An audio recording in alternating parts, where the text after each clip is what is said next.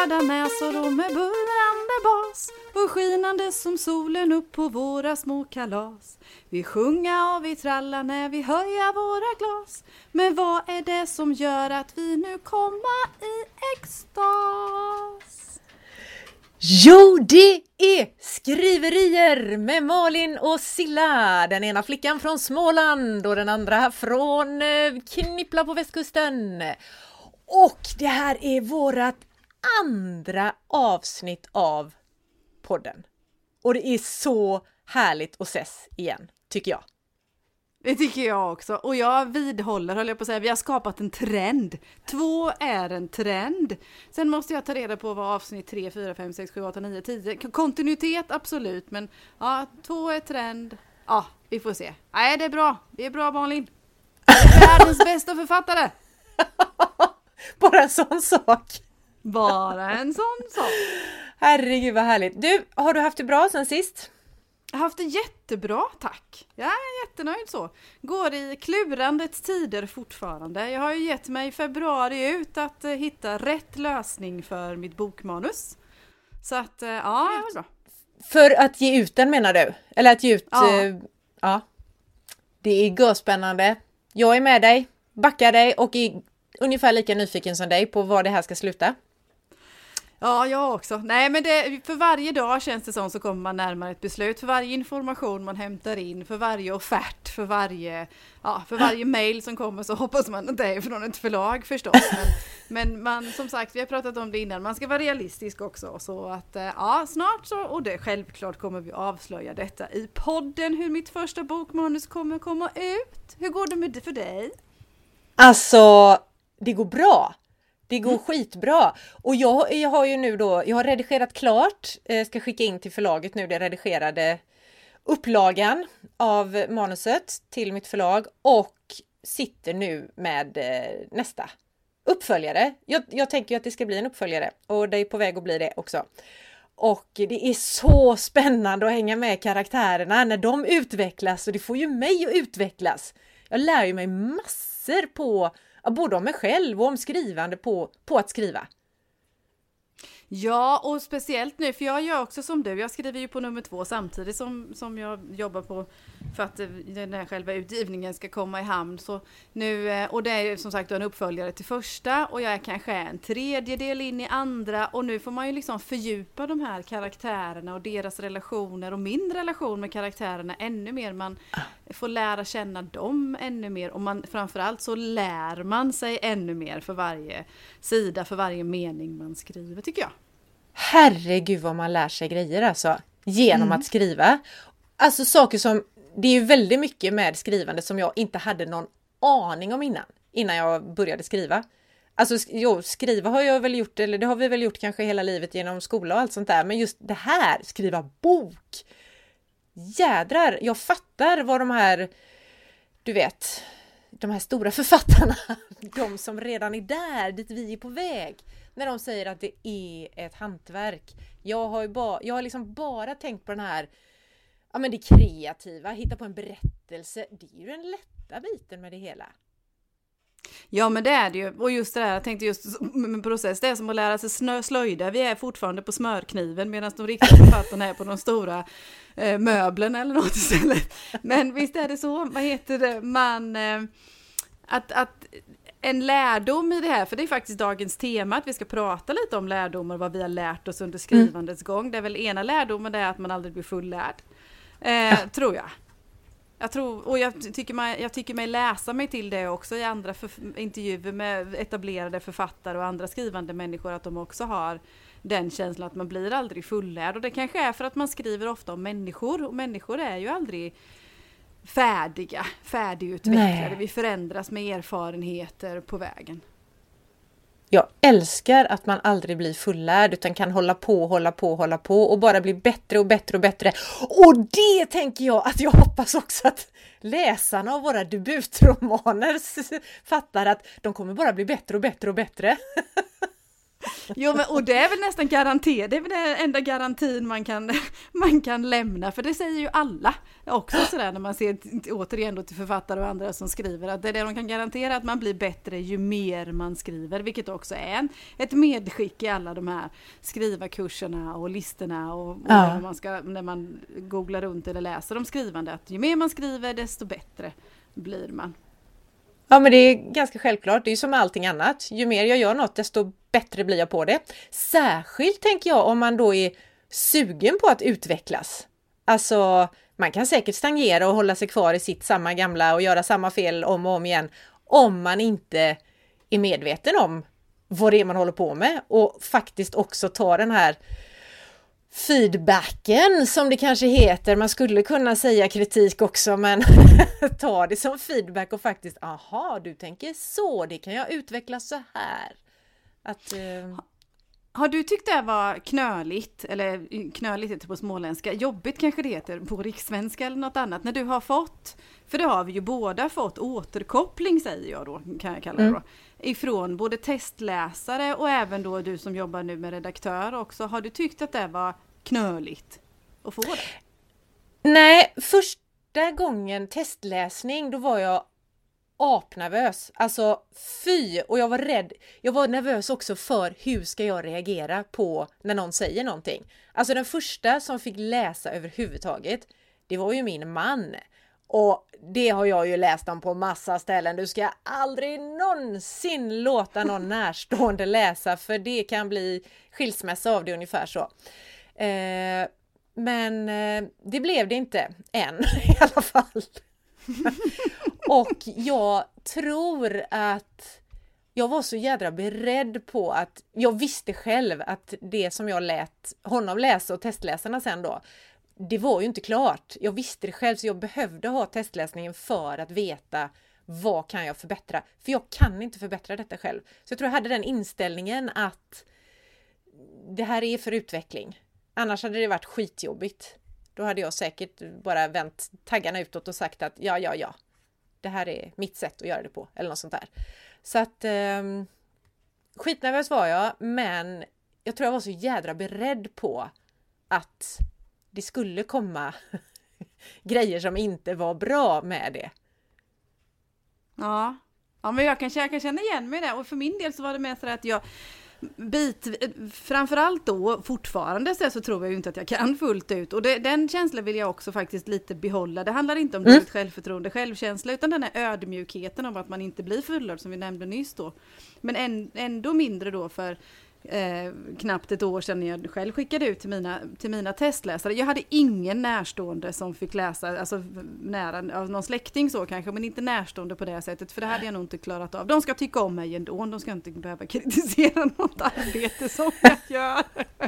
Nej då, men eh, Eh, och jag hade nog inte koll på riktigt hur långt jag var i processen. Jag hade skrivit så långt jag tyckte att eh, storyn höll. Eller liksom, ja, de var nöjda i min berättelse där. Och jag klarade ja. inte av själv att redigera mer heller. Jag hade kommit till ett stopp att nu måste jag, måste jag vidare. Och sen, sen var jag lyckligt förskonad ifrån er testläsare, för du läste ju också Malin. Ja. Vad heter det, att eh, ni var snälla eh, på så vis och ärliga också förstås. Då, så att, men eh, kombinationen med okunnighet och ödmjukhet så hade jag...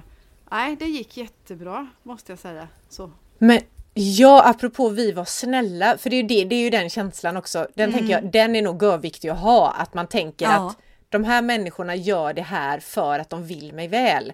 Däremot så var jag med på någon skrivarworkshop för en himla massa år sedan, så jag bara tänker att där lärde jag mig skitmycket. Där var det någon som gick all in på bara hitta allting som var kast med de här sidornas manus som han fick läsa. Bara, bara det där liksom. Det här var inte bra, det här var kast, det här suger, det här, varför skriver du så, den här skulle jag aldrig vilja läsa. Alltså han var rent jävla elak liksom. Så där fick jag, då pratade vi jättemycket om det sen i den större gruppen. Uh, hur dels hantera det här då, att få sån kritik som jag fick. Då var det ju kritik. Då var det ingen jädra utveckling med den. Det var bara Det var ingen återkoppling ner. där inte. Nej. Eh, och sen det samtalet efteråt med hela gruppen liksom var just detta att kunna ge, kunna ge kritik eller feedback på ett sätt som inte trycker ner den här människan som har suttit där och läst hur dåligt man än tycker att det är.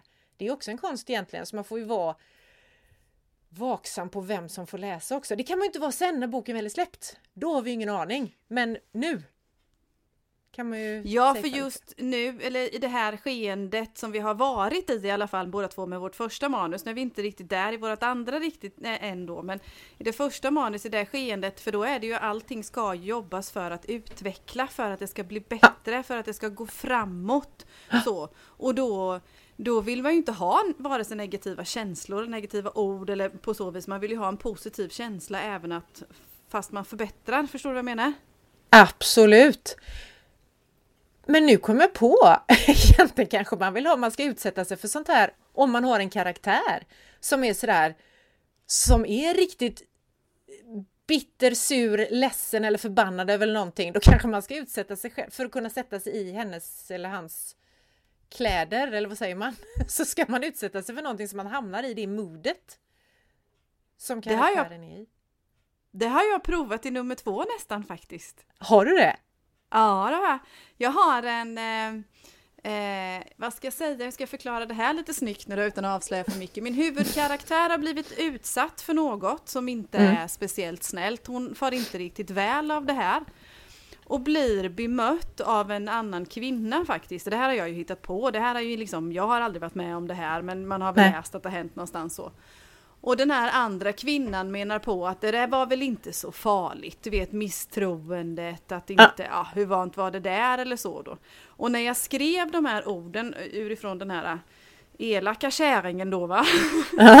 då försökte jag verkligen liksom att, ja, hur, hur, skulle det här, hur känns missundsamhet, hur känns avundsjuka, för det är ju inga ja. känslor som blåser de förbi i kroppen så vill vi absolut inte ta tag i dem, för vi skäms ju för att vi känner dem.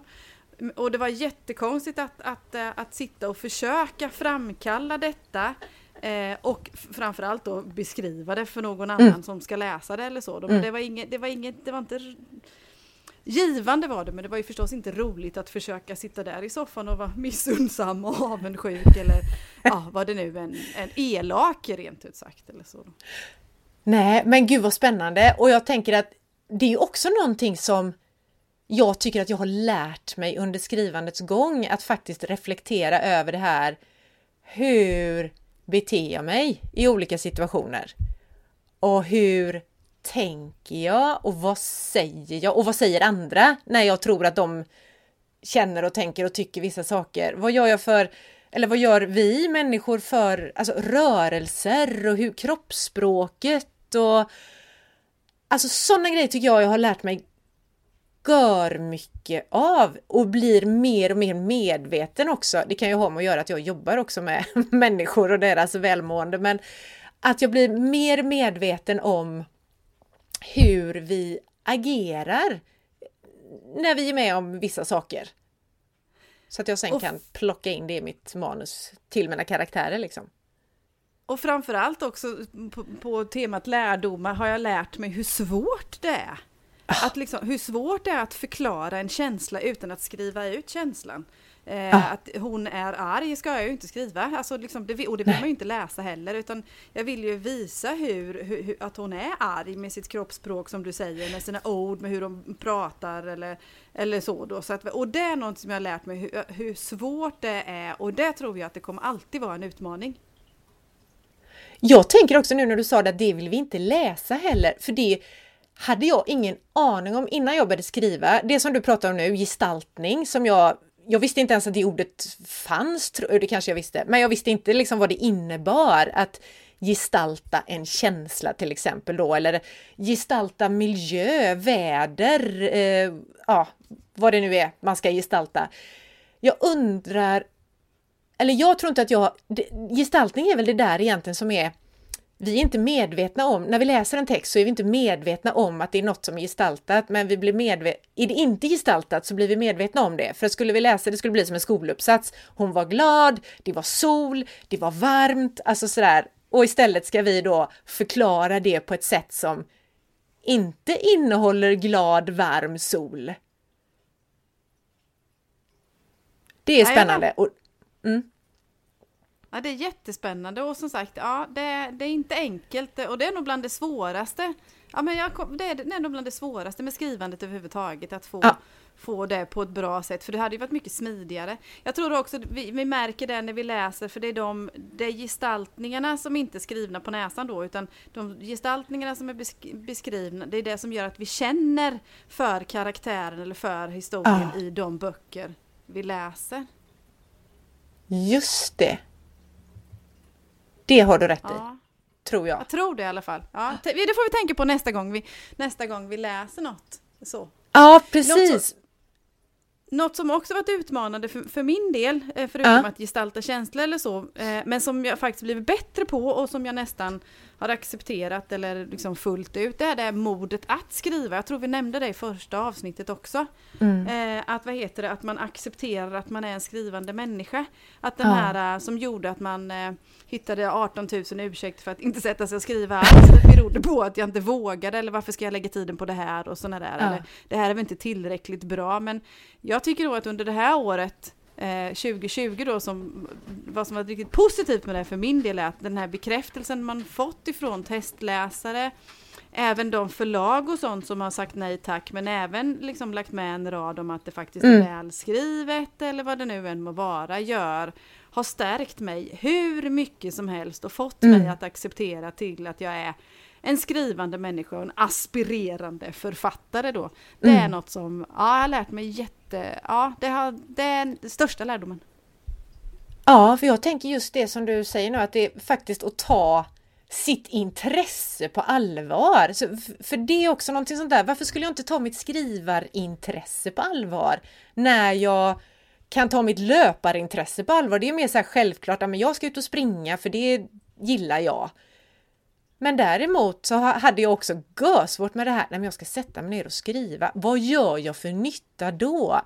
Istället för att liksom tänka, men gud, jag gör ju nytta för mig själv. För att jag, jag gillar ju att sitta där. Jag gillar ju att använda fantasin. Liksom. Jag, gill, jag gillar rent det här, du vet, fingrarna mot tangentbordet. Bara den känslan. Så det är klart att bejaka det har ju gett gör mycket till detta och att också se det som du sa nu. Jag ser mig själv som en skrivande människa. För mig var det också en sån här grej. Jag är ju med, dels träffas ju du och jag och skriver tillsammans. Ja. Eh, och jag är med i Fåröakademin, så jag har varit på Fårö några somrar och skrivit en vecka med dem.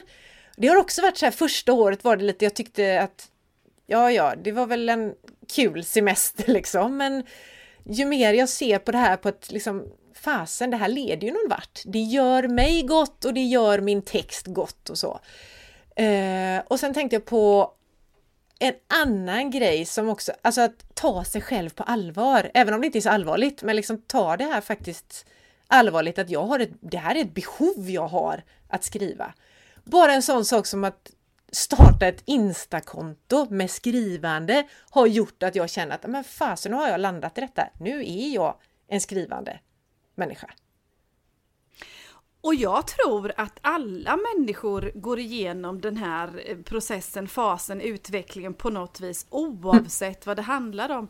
Ja. Jag drar gärna paralleller till entreprenörer och egna företagare kontra ja. liksom mitt skrivande. För, för, för, min bok kommer ju ändå bli min produkt på så vis som jag då har verkt fram och engagerat mig och skapat och eh, köpt tjänster för för att det ska bli bra och så vidare och så vidare. Och det gör ju en gemtillverkare och en biltillverkare också.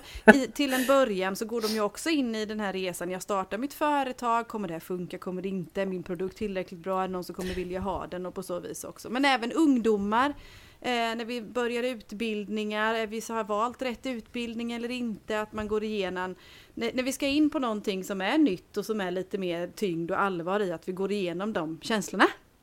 Ja, oh, att vi gör! Och det går ju att översätta som du säger till företagande, till alla områden. Jag, jag kan ju se tydliga paralleller också till hälsa, träning. Alltså det är precis samma om man hittar ursäkter och man tar det inte på allvar och det, det är inte min grej och inte ska väl jag och sådär. Alltså det finns alltid, när det börjar bli lite läskigt, och man inte vet vad man ska göra. Apropå att lära sig, vad har vi lärt oss under skrivandets gång? Jag tänker på det. Det är också precis samma sak. Jag tänker som driva företag, börja träna, alltså ja, vad det än är, börja en utbildning. När du inte vet någonting, eller nu kan jag bara prata för mig själv, men i alla fall när man inte vet någonting då, eh, man är osäker, det är ett nytt område och jag, jag småbörjar lite sådär, då är man ju jädrigt sugen på alla de här tipsen som kommer från de som har gått före. Alltså man vill gärna ha tipslistor. Gör så här för då kan du skriva en bok eller så blir du en företagare eller så börjar du springa eller vad det nu kan vara för någonting. Och så, men jag tänker också de här tipslistorna, de kan vara så jobbiga. De kan, eller de kan få mig att känna att jag gör fel. För det var ju också en sån här grej det tog skitlång tid innan jag fattade just med det gäller skrivandet att jag behöver göra på mitt sätt. Jag kan inte sätta mig ner på rumpan mellan 8 och 12 som någon etablerad författare sa i sitt tips att du måste se det som ett arbete. Ja, det kanske jag måste, men just det sättet funkar inte för mig. Men i början trodde jag ju det så att jag Shit, nu har jag inte gjort det idag heller. Det sket sig. Det här kanske inte var min grej. Tills jag fattade eller blev så här tillräckligt trygg i min mitt sätt att se på mig själv som skrivande att ja, men jag kan faktiskt göra på mitt sätt. Och det, så länge det går framåt och jag utvecklas så är det ju rätt sätt. Tänker jag. Ja, ja, men ja, ja, säger jag. Men jag tror också att hade man inte haft, och hade jag inte haft de här tipslistorna eller Stephen Kings bok eller ja. jag, älskar ju, jag älskar ju Kristina Olssons skrivboken. Är, det, ja. alltså, är man minsta lilla sugen på att skriva eller intresserad så läs Kristina Olssons skrivboken, den är så sketans bra. Men ja. i alla fall, hade jag inte haft de här tipsen så hade jag nog haft svårare, jag kanske inte hade kommit till skott ens en gång. Jag hade inte ens Nej. börjat prova, för jag gjorde också, tänkte också som du att det här måste vara schemalagt och det här måste jag göra. Och framförallt så måste jag ha bra sittarscher, sittfläsk säger man ju då. Nu har jag ju det ganska bra ändå eftersom jag jobbar på kontor så mycket som jag har. Men, eh, men utifrån att jag provade mig fram, att jag vågade prova mig fram så hittade jag ju mitt. Och jag hittade mina gränser, hur länge orkar jag sitta? Sitta? Var ska ja. jag sitta? Vad behöver jag? Ja, men jag behöver till exempel stöd ifrån Malin Lundskog på Kjell Knippla, för annars så går det inte lika bra. Bara Eller, en sån ja. sak.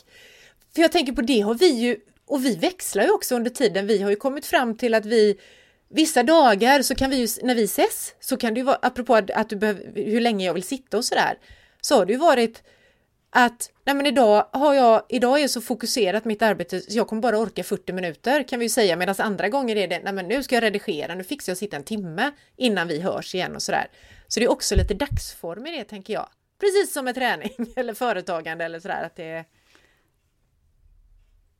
Ja men det är det ju. Ja men det är det ju, liksom, det, men det är ju det är ingen företagare som orkar vara på topp och kränga iväg sina produkter i stort flöde dag ut och dag in, utan vi har alla våra ups and downs på så vis också. Nej, men det, ja, jag är oh, mäkta stolt, glad och nöjd över de lärdomar jag som har fått med mig hittills och jag ser verkligen fram emot vad jag kommer lära mig ännu mer vartefter jag skriver. För det här, det här tänker jag hänga i med Malin. Åh oh, herregud, neverending story tänker jag. Att det, och det är, ju, det är ju så jädra spännande att det inte är något stopp på det utan att vi kan fortsätta att utvecklas och lära nytt och ja, vad vet jag. Det finns ingen ände på det och vi ska ju dessutom bli världens bästa författare så att vi kan ju inte sluta innan dess. Absolut inte. En gång ska jag komma på liksom vad är, när, när, när den är uppfylld, men det tar vi på vägen, det lär vi oss på vägen. Det lär vi oss! men du, är det något mer som du tänker så här, det här har jag lärt mig? För jag tänker mycket, man har ju lärt sig då det vi har sagt nu, vi har lärt oss hur människor, vi själva agerar, vad vi själva behöver i tid och hur vi själva behöver arbeta. Gestaltning. Är det något annat? Jag tänker mycket på det här, för det som jag som också hela tiden, lär mig hela tiden. Men det är just det här med hantverket med redigering och med alltså hur många vänder det är. För som jag tror jag sa från början att från början så trodde jag att det var det kreativa som var det jobbiga jobbet. Men det är ju den liksom lilla enkla biten egentligen, tycker jag. Sen kommer ju allt det där andra, få ihop alla trådar, våga stryka, alltså det här välkända Kill Your Darlings, liksom jag uh, vill inte det. Men nu gör jag det lekande lätt, för nu tänker jag att ja, det blir bättre. Och det är skönt. Jag kan nog inte, alltså jag har, nu har jag ju tendensen när jag ser tillbaka att jag lägger, gärna lägger till lite rosenrött och rosa skimrande på saker. Så just nu när jag ser liksom bokmanus nummer ett då som än så länge heter I vikens mörker. Eh, så var det nog, är det nog inget som, alltså var varit jobbigt, jag tycker, men det är nog ju återigen med att man ödmjukt lärande på något vis. Jag har inte uh. vågat tycka eller ta till eller det var nog inget som har känt jobbigt. Ja, väntan på testläsare och väntan på redigering, alltså den här väntan och hur, vad ska det landa in i? Men sen hade jag, jag väl haft tur för det har landat in så bra så att det, det, nej, det är än så länge, peppa peppa, nu knackar jag. Så känns det inte, ingen så, men det kommer. jag var kanske den segaste testläsaren nu när jag fick en liten, en liten spark där. Jag var görlångsam när jag skulle läsa ditt eh, manus ju. Men, Titta, det kommer jag inte ens ihåg. Nej, jag skulle inte sagt något. Bra! Låt det vara rosa-rött skimmer över ditt skrivande tycker jag. Fortsätt med ja. det. Ja, det kom. Det, mörka tider kommer tidsnog ändå eller något sånt där kanske. Ja, men jag tänker det är lika bra att faktiskt se det från den sidan. Det är ju lite grann som att föda barn. Det har man ju glömt så fort barnet har kommit ut så har man ju glömt att det var ingen dans på röda rosor själva förlossningen. Men sen efteråt så är det ju ganska kul för det mesta. Ja, den är jag ju glad att jag inte behöver gestalta i alla fall, för den vill jag liksom känna in igen. Men, men eh, på tal om lärdom och kanske en snygg så här, nyhetsmorgonkoppling då. Eh, ja. Att vad heter det, vad jag också lärt mig under den här skrivande, skrivandens utveckling och skrivandetiden är hur viktigt det är att läsa. Innan så läste jag ju mer på lust och till kul och på så vis. Nu kan jag faktiskt skänka en tanke eller, extra, en tanke eller två extra till det jag läser om för att ha nytta av i mitt skrivande ja. på så vis. Ja, vet du, i början så jag vågade inte ens läsa för jag var så rädd att jag skulle inte hitta min egen röst på något sätt. Om jag läste någon annan bok så skulle jag bli alldeles för influerad av den för att kunna vara jag, fortsätta vara jag och min röst. Men nu känner jag att det är, det var innan jag hade hittat flytet tror jag med manuset. Jag satt liksom och harvade lite, jag skrev för sällan förmodligen för att jag skulle liksom ha hittat in i det som jag, så som jag ville låta i manuset. Men nu känner jag verkligen att det berikar att läsa och läsa olika genrer och verkligen ja, men, och se hur, hur de gestaltar det på olika sätt, det de skriver till exempel. Det är jättelärorikt ju! Så jag tänker också läsa massor. Gud vad det gör mycket för skrivandet. Ja, det gör det. Hur har det gått med läsningen sen förra veckan? Eller förra veckan, jag säger förra veckan, det är två veckor sedan. Ja, jag vet, det är alldeles för länge sedan. Ja, det tycker jag. Tiden, tiden går fort och den går långsamt och det, det, nej, tiden är konstigt. Men, eh, du, eh, ja? Eh, det har gått, jag har ju läst eh, dagboken Jag aldrig skrev av Jessica Devert, som var, den är ju ganska nyutkommen. En filguddare som, den har jag läst klart nu då, för den hade jag precis börjat med tror jag när vi hörde sist. Alltså dels är det ju skitkul för att den är, utspelar sig i Göteborg. Det är ju alltid roligt när man liksom verkligen känner igen sig på ställena och gatorna och husen och sådär.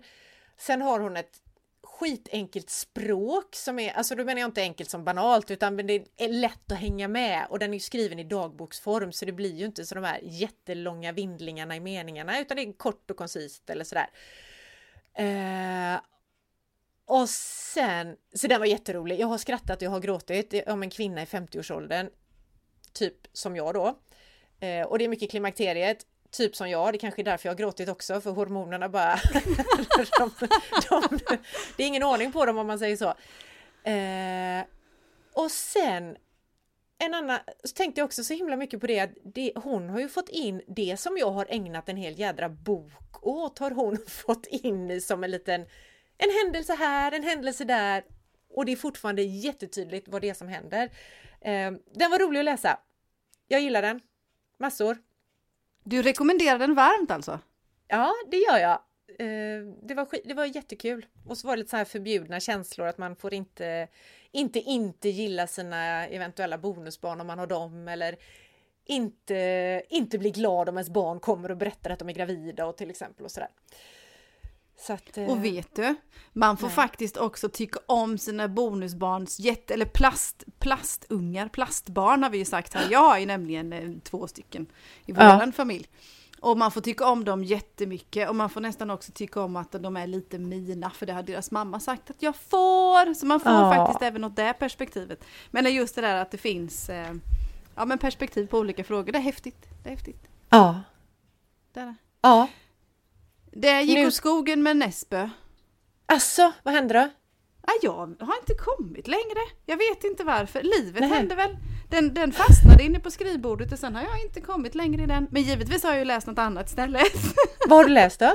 ja, men jag läste bland annat eh, eh, Angelica hette boken av Karin Waltersson. Det var en bok vi fick som julklapp i... Jag är ju med i ett litterärt sällskap Malin. Visst är det Ja. fint? Ja. Ja. Erik Hultgrens litterära sällskap i Västervik.